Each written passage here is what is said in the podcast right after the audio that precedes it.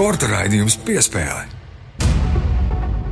Esiet sveicināti Latvijas radio pirmā kanāla sporta raidījuma piespēle klausītāji. Mani sauc Mārtiņš Kļavinieks, pie otra mikrofona Mārs Bergs. Sveiks, Māri! Sveiks, Mārtiņ! Sveicināti klausītāji! Šoreiz raidījumā sporta karaliene vieglatlētika, bet kā mēs visi lieliski zinām, tad vieglatlētika sastāv no daudzām un dažādām disciplīnām. Un šoreiz runāsim par vienu no tām, un runāsim par vieglietīgas disciplīnu, kurā sportisti atrodas vislielākajos augstumos, sacenšoties sporta stadionos.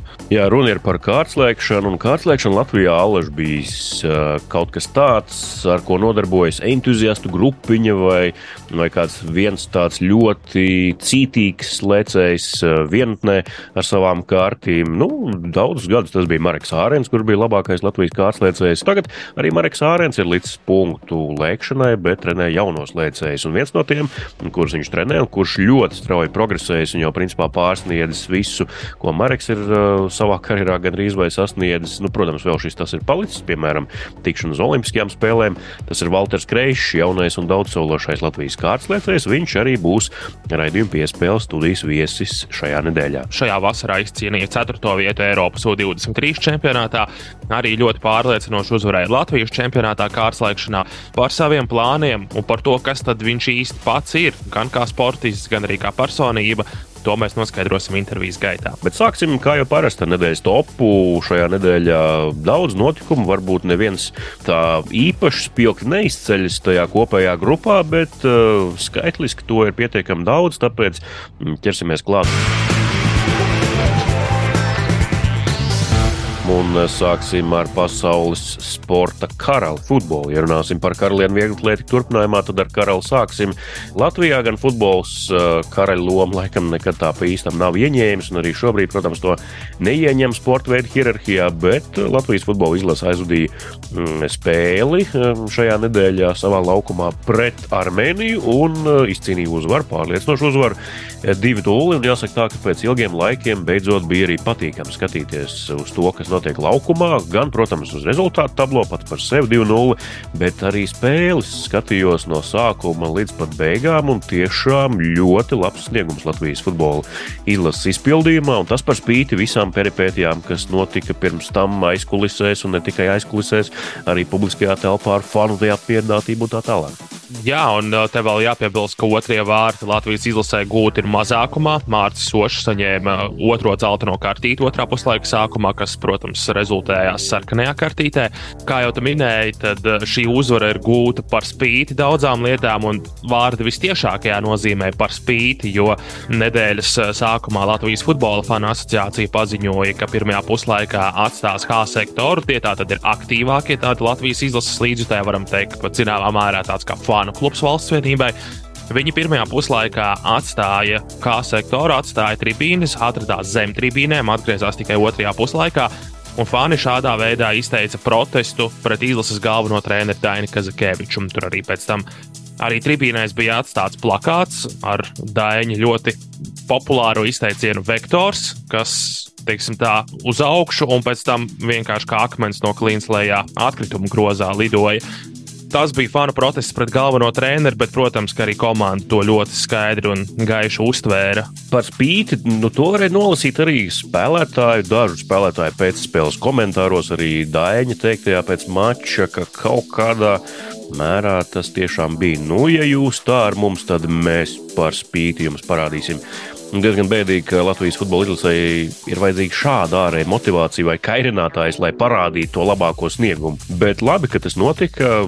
No otras puses, es joprojām neesmu to objektīvo bildi salīmējis kopā. Jo tas pats mūziķis Ralfs Eilants pēc šīs spēles diezgan emocionāli ierakstu veids sociālās saziņas vietnēs, ka viņš tagad met savu mm, izlases abonementu miskastē, jo futbolisti nepienāca pie fanu sektora pēc mm, šī mača un neatsveicinājās, it kā apvainodamies laikam par to, ka sektors pirmo puslaiku pavadīja zem tribīnēm, neskatījās spēli.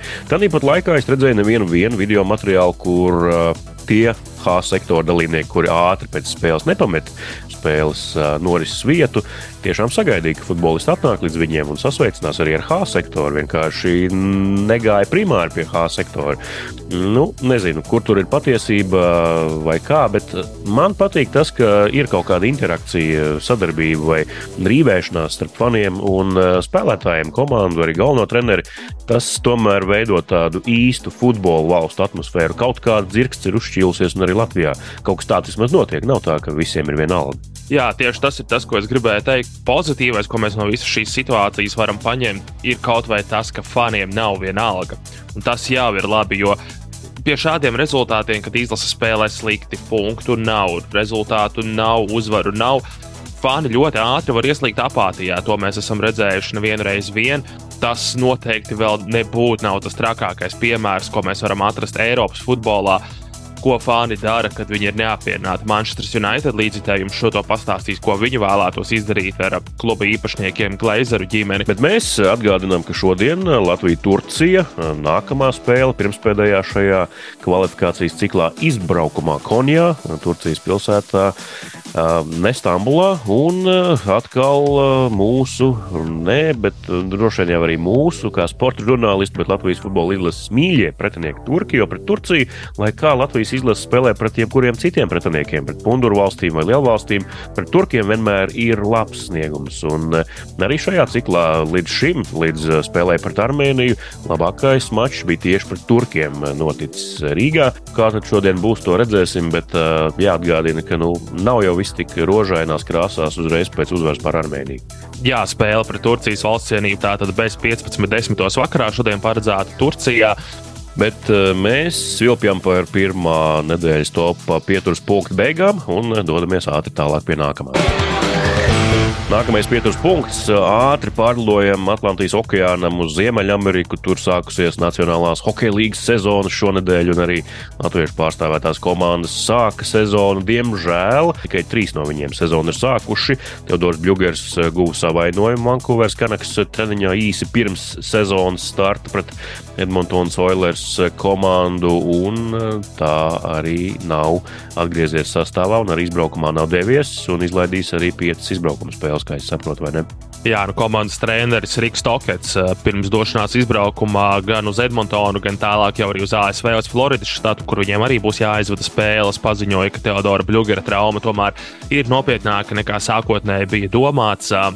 Vispirms tika ziņots, ka tā ir neliela problēma, varbūt sasitums, Taču beig beigās izrādījies, ka problēma tomēr ir lielāka. Angliski viņa status tiek saukts par week to week, jeb nedēļu no nedēļas. Veselības stāvoklis tiks novērtāts ar šādu regularitāti, un tad arī komanda pieņems lēmumu, ka Teodors varēs doties laukumā Kanakas sastāvā regulārās sezonas spēlēs. Varbūt Arthurs Šilovs kļūs par piekto latvieti šo sezonu NHL. Ja gadījumā Vankūverē būs vajadzīgs vārdsargs kāda iemesla pēc, tad viņam, protams, būs iespējas nākt uz augšu. Bet Zemgus Gigantsons ir sācis sezonu, Buffalo Sabres, tāpat arī Elvis Meržģikins ir aizvadījis pirmo spēli Kolumbusas Bluejackets sastāvā, un mums ir arī NHL debitants Uvis Balīnskis, 27 gadu vecumā, debitējis Floridas Panthers sastāvā. Nu, īsi izskrienot cauri, tad Buffalo Sabres viena no rezultatīvākajām NHL komandām, metošākajām komandām, ja tā var izteikties, pagājušajā sezonā. Tikai viens vārtus gūs sezonas pirmajā spēlē un ar 1-5 zaudēja New York Rangers. Nu, Zemguma ne tā labākā spēle, vismazākais spēles laiks no uzbrucējiem un arī liederības rādītājs minus divi. Nu, būs labāki mači. Zemgus uh, ir ļoti stabila vērtība ne tikai Buffalo Sabres, bet arī Nacionālajā hokeja līgā. Un, uh, savu darbu viņš padarīs, savus 20 punktiņus sezonā savāks un droši vien arī 10 vārtus gūs. Bet, uh, jā, Elvim Merļikinam ļoti labs sezonas sākums. Jā, Kolumbus Blue Jackets ar 2-4 zaudēja Philadelphia Flyers, bet Elvis vārtu tīklā ielaida tikai divas no četrām ripām, jo divas pabija tukšos vārtos jau pašās spēles beigās. Nu, ļoti laba spēle, vairāk nekā 94% atvairīto metienu un ļoti stabils sniegums. Tas par Elvi. 33 no 35 atsistiem metieniem. Tas ir, tas ir labi, bet skaidrs, Filadelfija arī nav gluži tas spēka rādītājs. Filadelfija ir komanda, kas atrodas dziļā pārbūves procesā. Un, Viņiem absolūti nav nekādu mērķu šajā sezonā, ja nu vienīgi izcīnīt pēc iespējas augstāku drafta izvēli. Kas attiecas uz Zuvi Balīnski, ir svarīgi piebilst, ka Floridas Panthers komandai ja vēl ir jāgaida divi aizsargi un divi vadošie aizsargi. Ārons Ekblāts un Brendons Montūrs turpina ārstēt traumas, bet uh, Uvis šobrīd bija trešajā aizsargu pārī, arī diezgan neliels spēles laiks, tikai 13 minūtes laukumā. Par Uvi viņš spēlēja kopā ar Joshua Mahuru. Abiem šiem aizsargiem, trešā pāri aizsargiem, apmēram vienāds spēles laiks, arī vienāds mīnus viens koeficients. Abi bija laukumā, kad tika ielaist vienu no vārtiem, un līdz ar to tāds, tāds līdzvērtīgs vērtīgs sniegums, bet par Uviju arī viņa pirmais treneris Roberts Grosbergs Latvijas radio sacīja, ka viņa prāt stabils sniegums un arī tie noraidījumi nekādi nepatraucēs viņa statusam komandā un arī nākamajā spēlē viņam būtu jābūt ar līdzīgu lomu sastāvā. Nu, visticamāk tā arī notiks, bet kopumā 27 gadus vecs hokejists, nedraftēts, nekad iepriekš vispār nav spēlējis Ziemeļamerikā, ne jauniešu, ne junioru vecumā, nav bijis arī uz pār pārbaudēm uz treniņu nometnēm kādā no NHL vai Amerikas Hokeja līnijas klubiem. Bet, uh, pat tiešo no Eiropas ielēts Nacionālās hokeja līnijas uh, kluba pamatsastāvā. Jā, viņš bija Čehijas hokeja um, augstākās līnijas rezultatīvākais aizsargs pagājušā sezonā, ļoti labi spēlēja, bet ārkārtīgi netipisks ceļš ne tikai Latvijas, bet arī pasaules hokeja. Ceļš tik tiešām netipisks, bet ne gluži pirmais, kurš to iet. Arī NHL ir vēl vairāk spēlētāji, arī tieši aizsargi, kas ir gājuši šādu ceļu. Bet tas, protams, pierāda to, ka, ja 18, 19 gados tevi neizvēlas NHL draftā, tas nenozīmē, ka karjera būtu norakstāma un cerības spēlēt pasaules spēcīgākajā līgā būtu jāmet ārā pa logu. Dodamies tālāk, piebilstot vien to, ka Uvis ir pirmais eh, Vēncpils hokeja skolas audzēknis, kurš ir nonācis līdz Nacionālajai hokeja līgai, tātad visaugstākajam plauktam. Piespēle. Nedēļas top turpinām ar eh, Ziemeļamerikas eh, citu eh, čempionātu, kādā citā sporta veidā, proti, Nacionālā basketbola asociācija. Un, tur sezona vēl nav sākusies, tas oktobra pašās beigās, 25. oktobrī, bet pārbaudas spēles gan rīt pilnā sparā, un arī Kristaps Porziņš ir iesaistījies pārbaudas spēļu maratonā Bostonas Celtics sastāvā. Pirmā spēle ārkārtīgi spilgts sniegums, 17 punkti. Arī vairāki bumbas triecieni grozā no augšas, parādīja savas labākās īpašības. Kristaps iemet arī vairākus tālmetienus. Mm, pret Ņujorkas Niks nespēlēja, bet Ņujorkā paviesojās. Tā kā droši vien ar vecajiem draugiem satikās, bet kopumā izskatās labi Kristaps arī šajā kopējā sastāvā, kur ir daudz zvaigžņu. Bostonas apskatnieki tad arī uzsver, ka šis piešķir tādu jaunu dimensiju Bostonas Celtics uzbrukumam, un tas arī parāda iespējas, ko var sniegt šī sadarbība starp Jēlenu Braunu, Jasonu Teitumu un Kristapu Porziņu, kā viņi trietā var spēlēt uzbrukumā. Un pats Kristaps arī pēc spēles intervijās, it īpaši pēc pirmās pārbaudas spēles, kur viņi visi trīs spēlēja, arī izskatījās tiešām ļoti, ļoti priecīgs. Tāds kā septītajās debesīs mazliet atrodas, jo ar diviem tik augsta līmeņa spēlētājiem vienā komandā viņš nekad nav spēlējis. Jā, Luka Dončičs Dallasā, bet tas bija tikai viens cilvēks. Šeit ir divi visaugstākā līmeņa spēlētāji, komandas biedri. Būs interesanti Nacionālās basketbola asociācijas sezona. Tiešām izskatās aizraujoši un latviešu spēlētājiem pirmo reizi būs tiešām reāls iespējas cīnīties par NBA čempionu titulu. Jā, spēlētājam vienskaitlī Kristapam Porziņam, jo Dārzs Bartāns spēlē Oklahoma City standardu. Nu, tā komanda, kā mēs te teicām, arī par uh, to pašu Philadelphia Flyers Nacionālajā hokeja līgā ir tādā dziļā pārbūves procesā, bet Dārzs arī pārbaudas spēlē vismaz vienā parādīja, ka viņa tēmeklis joprojām precīzs, pulveris savs un var, ja grib, kā saka, kurzemē piemest ķoci ļoti īsā brīdī. Un pēdējais pieturas punkts šajā nedēļas topā - pludmales volejbols, pasaules čempionāts pludmales volejbolā gan kungiem, gan dāmām. Tiesa Latvija pārstāvēta tikai dāmām. Tīna Graudiņa, Anastasija Samoilova, šī brīža neapšaubām labākais pludmales volejbola duets Latvijā. Diemžēl dalīta 9. vieta atkal cerības par augstu pozīciju, vismaz astoņnieku sasniegšanu pasaules čempionātā paliek nepiepildīts. Nu, kaut kā neveicis pasaules čempionātos Tīnai un Anastasijai. Trešo reizi viņas spēlē pasaules čempionātā tieši šādā sastāvā. Tad Tīna ar Anastasiju kopā visu sezonu kopumā ne tā pati veiksmīgākā. Bet nu neko darīt, vēl jau pāris turnīri ir priekšā arī šajā gadā. Jautājums, kas man eh, iekšā tā mani urda vismaz, vai liek to mans žurnālisti iekšējais gēns uzdot. Viņas nomainīja treneri tieši pirms eh, pagājušās sezonas. Poļu treneris tagad viņas eh, trenē. Tādi īsti labi augstvērtīgi rezultāti jau nav bijuši. Man šķiet, arī tāda stabila snieguma nē. Tas varētu būt saistīts ar treneri vai vienkārši tā ir sezona, kas nav izdevusies abām. To mums noteikti ir jāpajautā viņām pašām. Pārējais, tu saki, treneris tika nomainīts, un uh, uz šo sezonu abas ieradās ar pietiekami lielām ambīcijām, taču tāda patiesi augstvērtīga rezultāta šajā gadā tā arī nav bijis. Ir bijuši tādi labi turnīri, bet iepriekšējos gados tomēr Tīnai un Anastasijai ir bijuši krietni, krietni labāki rezultāti. Redzēsim, skatīsimies. Mēs liekam punktu nedēļas topam un dodamies uh, pie sarunas ar Latvijas labāko kārtslēcēju jauno talantīgo Walteru Kreiju. Sporta raidījums piespēlē kā zinām, vieglatlētika sastāv no daudz dažādām disciplīnām un sacensību veidiem, un šoreiz runāsim par kārtslēkšanu, par sporta veidu, kurā Latvijā ir tradīcijas, bet dažs labs rekords nav labots jau vairākas desmitgades un pat neatkarīgās Latvijas laikā. Dažu labu rekordu pēdējā laikā ir labojis jaunais talantīgais kārtsliecējs Valters Kreišs. Sveiks, Valter! Sveiki! Kā tu sevi šobrīd dēvētu par kārtslēkšanas ceļa sākumā esošu, jau pietiekami kaut ko izdarījuši šajā sporta veidā? Kas tu esi, tāds iesācējs vai jau labi zini? Ko darīt kārtīgi? Esmu vidusceļā vispār savā sporta karjerā. Šī vasara aizvadītā bija liels kāpums vispār manā sportā. Un, uh, un progresā, bet uh, tā jau ir daudzi gadi, ja nemaldos, septiņi vispār kopā ar vieglatlētiku.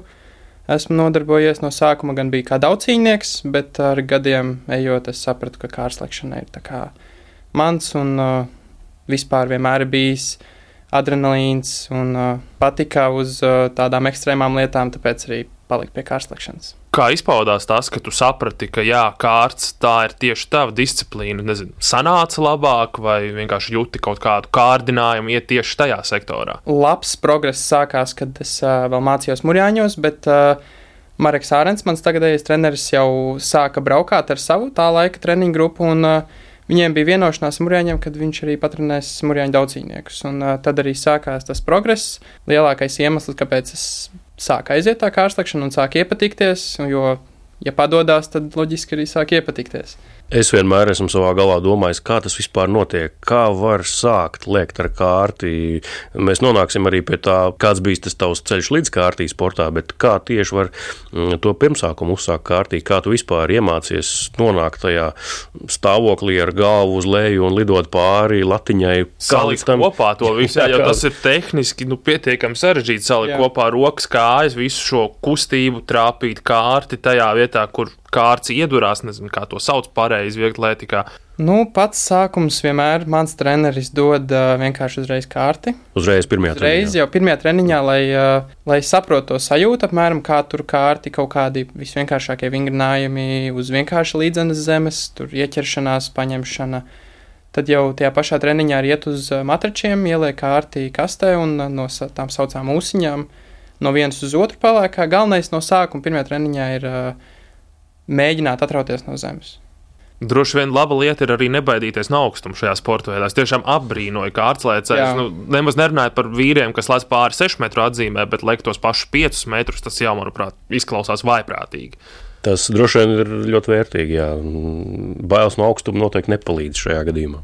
Noteikti nē, bet uh, viss leciens pat uh, notiek tik ātri, kad nejūt to augstumu sajūtu. Drīzāk, kuri baidās, lekta kārta, viņi baidās ieskrieties un atspērties. Tā ir visteiktu bailīgākā tā fāze. Ļoti svarīga lieta ir atspēriens. Ja atspēriens ir divas pēdas pa tālu no, no, no tā standarta vajadzīgā, tad tikpat labi tā kārts var vienkārši nepareizi ielocīties, un tas viss inerce ir pavisam savādāk, un tad var mest atpakaļ uz celiņu vai arī tikpat labi iekrist kastē, kas ir es teiktu, visbīstamākais, kas var notikt sporta veidā, kā kārslekšanā. Pēdējā desmitgadē vai pat 15 gadu griezumā vienīgie kārtsliecēji, ko Latvijā varam nosaukt, ir Marks Ārens un Pauls Pujāts, Jā. kurš savu karjeru ir noslēdzis jau mm, pirms kāda laba laika. Bet eh, par tevi pašu, Walters Kreišs, kas viņš ir? Rīgas puika? Esmu dzimis un audzis Rīgā, Pārdaugavā pie Āgens kalna un eh, tā teikt Bieriņos, starp Mārupu un Āgens kalnu esmu dzīvojis. Un, uh, tagad gan vairāk pa olaini dzīvojos ar draugu, bet uh, tas arī tepat vien ir principā 20 minūtes līdz pārdaugavai. Jā, esmu no Rīgas, piedzimu Stradiņas slimnīcā. Turpat arī pie mājām, principā. Jā, turpat vien tas jā, ir. Jā. Mācījos es uh, arī, principā, Agenskalnā, līdz aizgāju uz Mūrjāņiem. 8. klasē, tad no 8. līdz 12. pabeidzu absolvēju Mūrjāņus. Daudz cīņu. Daudz cīņu, mm. jā, bet uh, tur arī līdz tai desmitajai klasē vairāk, kad jau es pieslēdzos kārslakšanai un teicu Mūrjāņu trenerim, ka es negribu nekādu sakaru ar daudziņu, es gribu tikai kārti turpināt. Bet varam teikt, ka nu, kaut kādā mērā, ka tu esi vēlīnās specializācijas, nu, tāds auglis kaut kādā mērā, jo daudz cīņu, tad daudz dažādas disciplīnas, vispusēja un vispārēja fiziskā sagatavotība. Tas jau droši vien arī tev arī jau bērnībā visticamāk bija ļoti augsta fiziskā sagatavotība, ja tu vispār nonāci daudz cīņā. Ko tu darīji bērnībā, Agenskalnā? Ko tu trenējies kaut ko? Ļoti daudz dažādu sporta veidu biju izmēģinājis basketbolu, florbolu, riteņbraukšanu, ļoti patīk slēpošana, arī ar snowboardošanu nodarbojos. Mans mīļākais sporta veids tagad aizkārslekšanas bija ekstrēmā skrituļu slidošana. Ļoti. Kā tas izpaužas? Kas ir ekstrēmā skrituļu slidošana? Varbūt pastāstīs klausītājiem. Inlines. Tieši tā, mhm. inlines no angļu valodas. Principā tā pati skrituļu slidošana, tikai drusku tā teikt freestyle disciplīna, pa skateparkiem, var arī pa ielu atrast kādu trubu, margu, beņķi. Un, Teikt, Nacionālo bibliotēku. Nacionālā bibliotēka ir ļoti laba vieta, jā, kas arī ir atbalsta šos sporta veidus ekstrēmos. Un, uh, tas ir tāds sporta veids, kur ir, uh, tu vari izpausties, kā vien tu vēlēsies. Tur nav noteikumi, tu vari dažādu veidu trikus taisīt, tur uh, slīdēt pa trubām, uh, griezties ap savu asi gaisā, tāpat kā salto mest uz priekšu, atpakaļ uz sāniem. Ļoti patīk man tas sporta veids, bet kāpēc galvenokārt es beidzu? Ir tāpēc, ka es smagu traumu no tā guvu, ceļu traumu, man no ceļa kaula izlūza kaula gabals. Pēc operācijas man teica, ka es sportists vairs nebūšu, jo nu, ir ļoti, tā teikt, procentuāli maz iespēja, ka tas var sadzīt. Uh, Bet uh, sadzīja, nepadevos uz to, ko man ārste teica, un turpināja ar kārti. Bet skrīdus līdz gan tagad laikam ir malā noliktas uz visiem laikiem. Uz visiem, nē, ik pa laikam es uzkāpu slidām. Ļoti tādā agresīvā līmenī es nebraucu.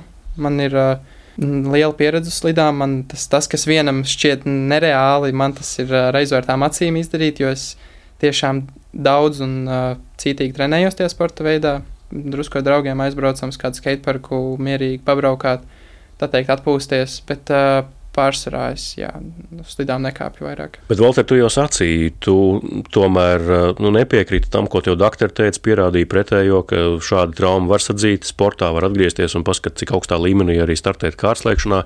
Tavs raksturiezīmes, tu esi tāds spītīgs, sava ceļa gājējs, klausies to, ko tev saka citi, un kāds tu esi pēc dabas pārsvarā dzīvoju šodienā.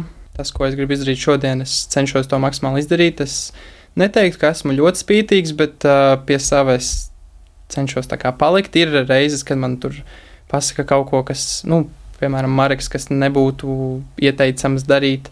Tad es viņu uzklausu, jo viņš man ir daudz labus padomus devis un kur ir uh, pierādījušies. Bet tā es diezgan atvērts esmu. Man patīk izmēģināt dažādas lietas. Man bija dredi, ko es uh, tagad vispār sāku attaudzēt matus, lai taisītu jaunas dredzes, kas man ļoti patīk. Joprojām mājās stāv vecie dredi, ik pa laikam izvelk ārā pastos. Jo tomēr ilgi nostaigāju, man, patīk, man ļoti, ļoti patika dredi. Arī šovasar uh, jaunas frizūras izmēģināju, krāsoju matus dažādos veidos, kas arī bija interesanti, bet uh, tomēr tie dredi man ir sirsniņā ieķērušies. Un, Dreidi kaut kā netraucē, nu, nezinu, leciena laikā kaut kur. Nu, Aerodinamikai. Jā, kaut kādām tādām niansēm, vai latiņu varbūt var aizķert kaut kur lidojot pāri.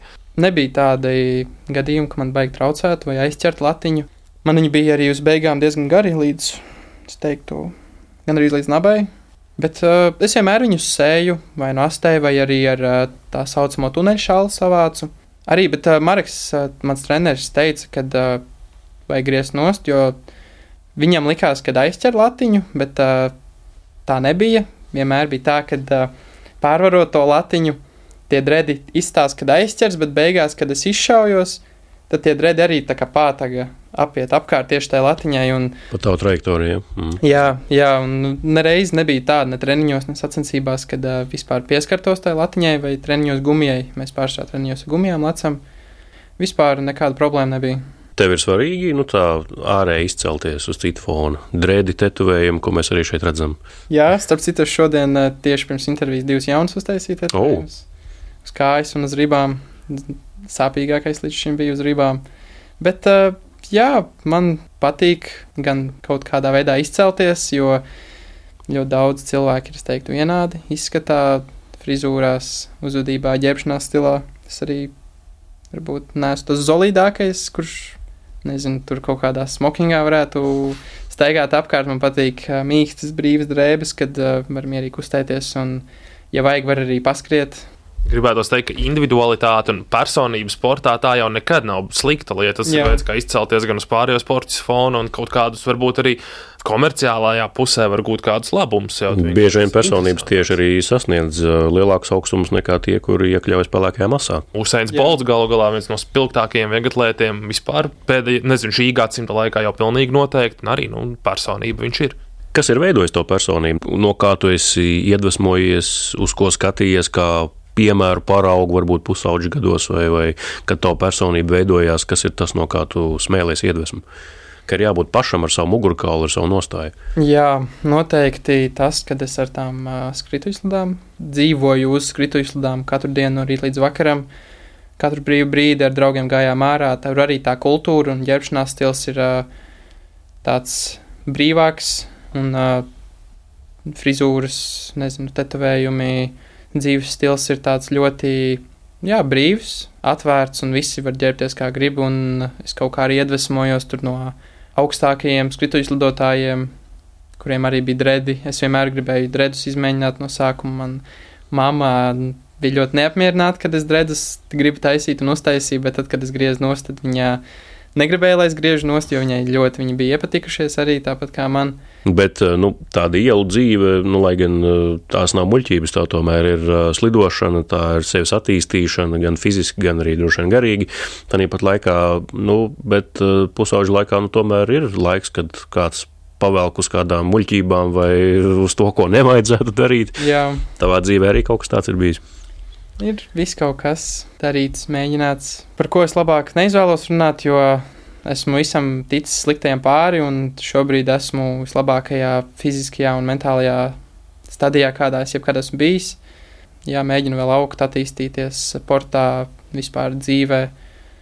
Arī es studēju sporta akadēmijā, es gribu būt treneris, jo kaut kādā veidā arī visas informācija, ko es esmu ieguvis savā dzīvē, sportā, gribētos arī nodot tālāk gan uh, saviem bērniem, gan citiem bērniem, un lai tas sports aug un attīstās Latvijā. Kā tu saglabā motivāciju un to dzinuli turpināt strādāt, iet uz priekšu, iet uz priekšu, kad Latvijā nav jau ar ko konkurēt? Vienmēr ir saka, ka konkurence ir attīstības dzinulis.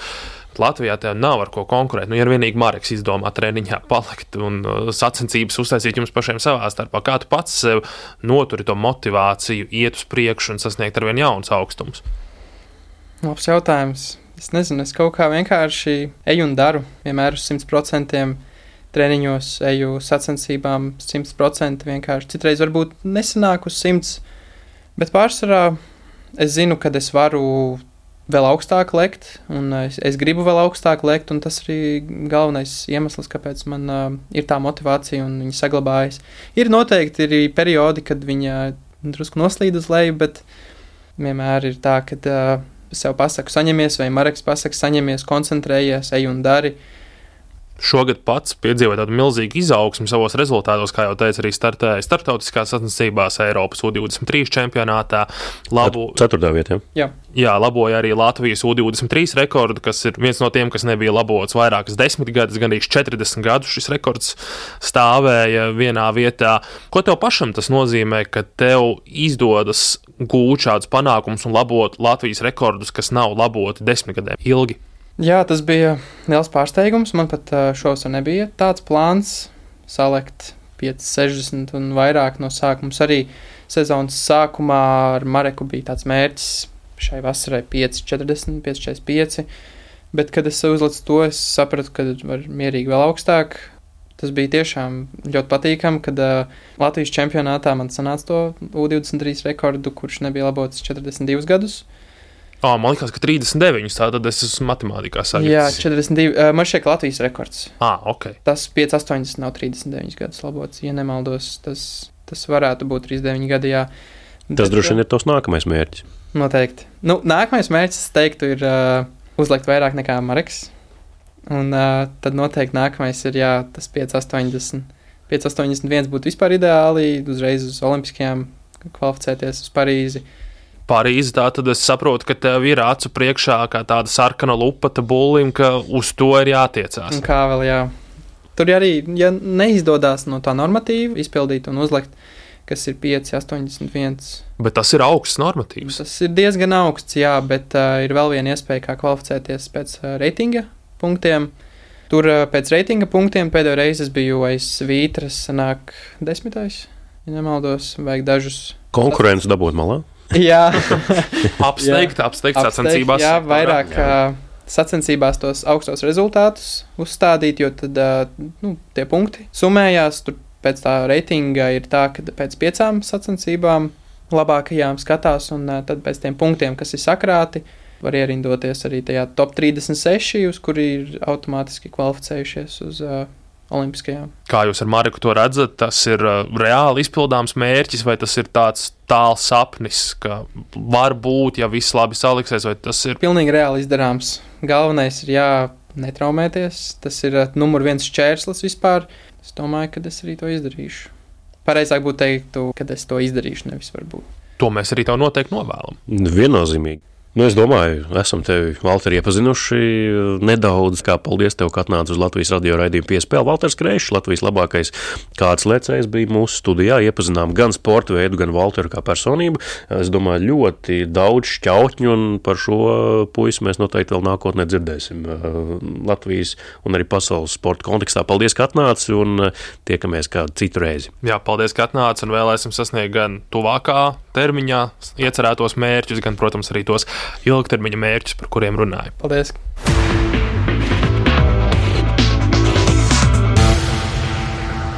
Svētdiena Latvijas radio pirmais kanāls, sporta raidījums piespēle, tāda lūk saruna ar Walteru Kreišu, labāko kārtslēcēju Latvijā, principā arī vienīgo augstu līmeņu kārtslēcēju Latvijā, bet tā tas alaži šķietam ir bijis, ka ir tikai viens tāds, kurš ir visaugstākā līmeņa kārtslēcējs, kurš var sacensties ar mm, pasaules līmeņa sportistiem šajā disciplīnā. Bet mēs jau to īsti nezinām, tāpēc droši vien ir jānoskaidro, kā tas ir bijis. Jā, tieši tā, un tāpēc šis uzdevums tika dots mūsu štata vēsturniekam, kolēģim Rēnim Krunspeņķim, kurš ieskatījās un izzināja, kādi tad ir kārtslēgšanas vēstures līkloči Latvijā. Gan aizvadītajā gadsimtā, kad ir sasniegti daudzi no Latvijas rekordiem šajā disciplīnā, gan arī kā Latvijas kārtslēcējiem ir veicies jau 21. gadsimtā. Klausāmies! Vēstures stūrītis! Kaut arī kārslēgšana nav tā disciplīna, kas pirmā nāktu prātā, domājot par Latvijas lielākajiem panākumiem vieglatlētikā, arī tajā latvieši likuši par sevi runāt. Vēl padomju laikos teicami startēja Aleksandrs Obižājevs, kuram joprojām pieder Latvijas rekords kārslēgšanā 5 metri 80 cm. Kad viņš to sasniedza 1987. gadā, tikai par 23 cm atpalika no tā brīža pasaules rekordista Sergeja Bubkas. Šobrīd pasaules pasaules rekorda latiņa ir vēl krietni uzlabota, un no izcilās Zviedrijas talanta Armanda Duplantisa pirms mēneša jūdžinā sasniegtā rekorda Obižājeva rezultāts atpaliek par 43 cm. Pēdējos gados spilgtākais Latvijas kārslēcējs bijis Mareks Ārens, bet Olimpisko spēļu finālā startējis arī Pauls Pujāts. Taču kārslēgšanas pirmsākumi Latvijā meklējami daudz senāk. Tieši kārslēgšana bija viena no pirmajām vieglatlētikas disciplīnām, ar kuru Latvijā pirms vairāk nekā simts gadiem sāka nodarboties. Lēkšana ar kārti, kas tajos laikos bija cieta un stingra koka kārts, bija līdzīga vingrošanas pulciņos kultivētajiem vingrinājumiem, tādējādi tieši tajā arī notika pirmās sacensības. Jau līdz Pirmajam pasaules karam neierasti labu rezultātu 3,55 cm bija sasniedzis Rīgas Uniona vieglatlēts Roberts Vithofs. Šis rezultāts tolaik bija arī visas Krievijas impērijas rekords, un ar to varēja pretendēt pat uz iekļūšanu Olimpisko spēļu finālā, vai vismaz būt tuvu tam. Turpmākajos gados rezultātu progress gan bija visai lēns. Labāko rezultātu pirmās brīvvalsts laikā uzrādīja Ēvelts Vesmanis, uzvarot 1938. gada Latvijas meistars sacīkstēs ar rezultātu 3,85 m. Šajā laikā kārslēcēji bija pārgājuši uz bambusa kārtīm, un Vesmaņa rezultāts jau bija diezgan tālu no Eiropas standartiem. Padomju okupācijas gados Latvijas kārslēgšanas rekorda latiņa paaugstinājās par gandrīz diviem metriem. To ievērojami ietekmēja inventāra un lēkšanas tehnikas maiņa. Bambusa kārtis nomainīja metāliskās, kuru periodā labāko rezultātu sasniedza Edvīns Upacieris 1963. gadā pārlecot 4,40 cm. Šajā laikā lieliski startēja arī viesītē dzimušais Jānis Krasovskis, kurš tādu pašu rezultātu sasniedza 60. gada gada Romas Olimpisko spēļu kvalifikācijā un vēlāk finālā ierindojās 13. vietā.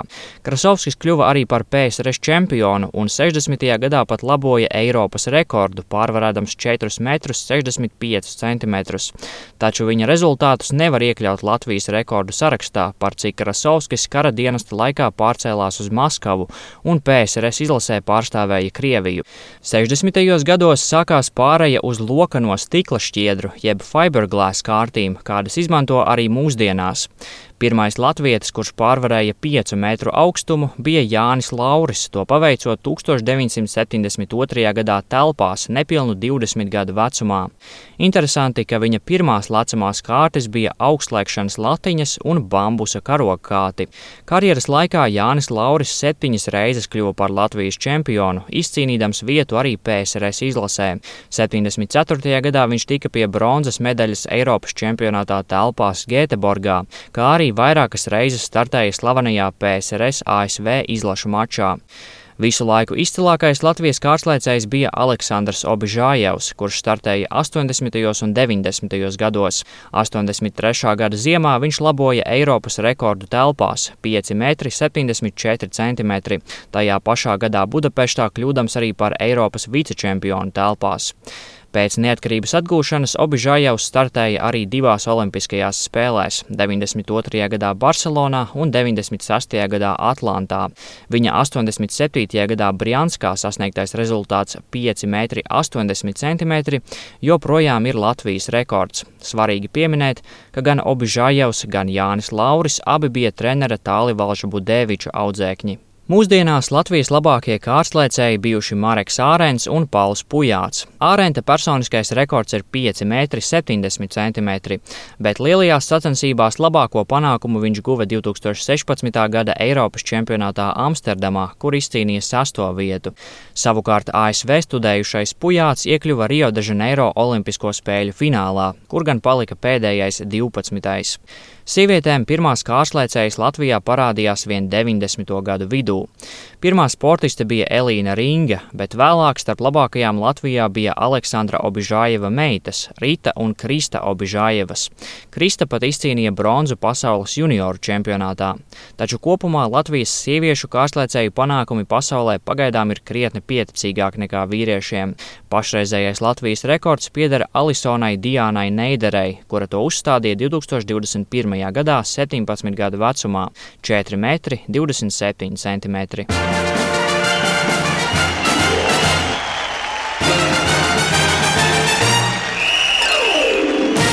Tāds lūk, Reņģa Grunspeņa stāstījums par kārtslēgšanas vēsturi Latvijā. Mēs ar māju sakām paldies jums par klausīšanos šajā svētdienā. Dariet to arī nākamā svētdienā, kad atkal interesantas sarunas par sportu un noteikti esiet kopā ar mums. Un vēl noslēgumā tikai jāpiebilst, protams, ka, ja raidījumu piespēli nedzirdējāt Latvijas radio viens ēterā, tad to var noklausīties gan Latvijas radio arhīvā, gan arī populārākajās, labākajās raidierakstu, ja podkāstu vietnēs, kur raidījums parādās dienu vai divas pēc izskanēšanas ēterā. Jā, paldies par klausīšanos, jebkur, kur to darījāt šoreiz, un līdz nākamajai svētdienai. Uz tikšanos!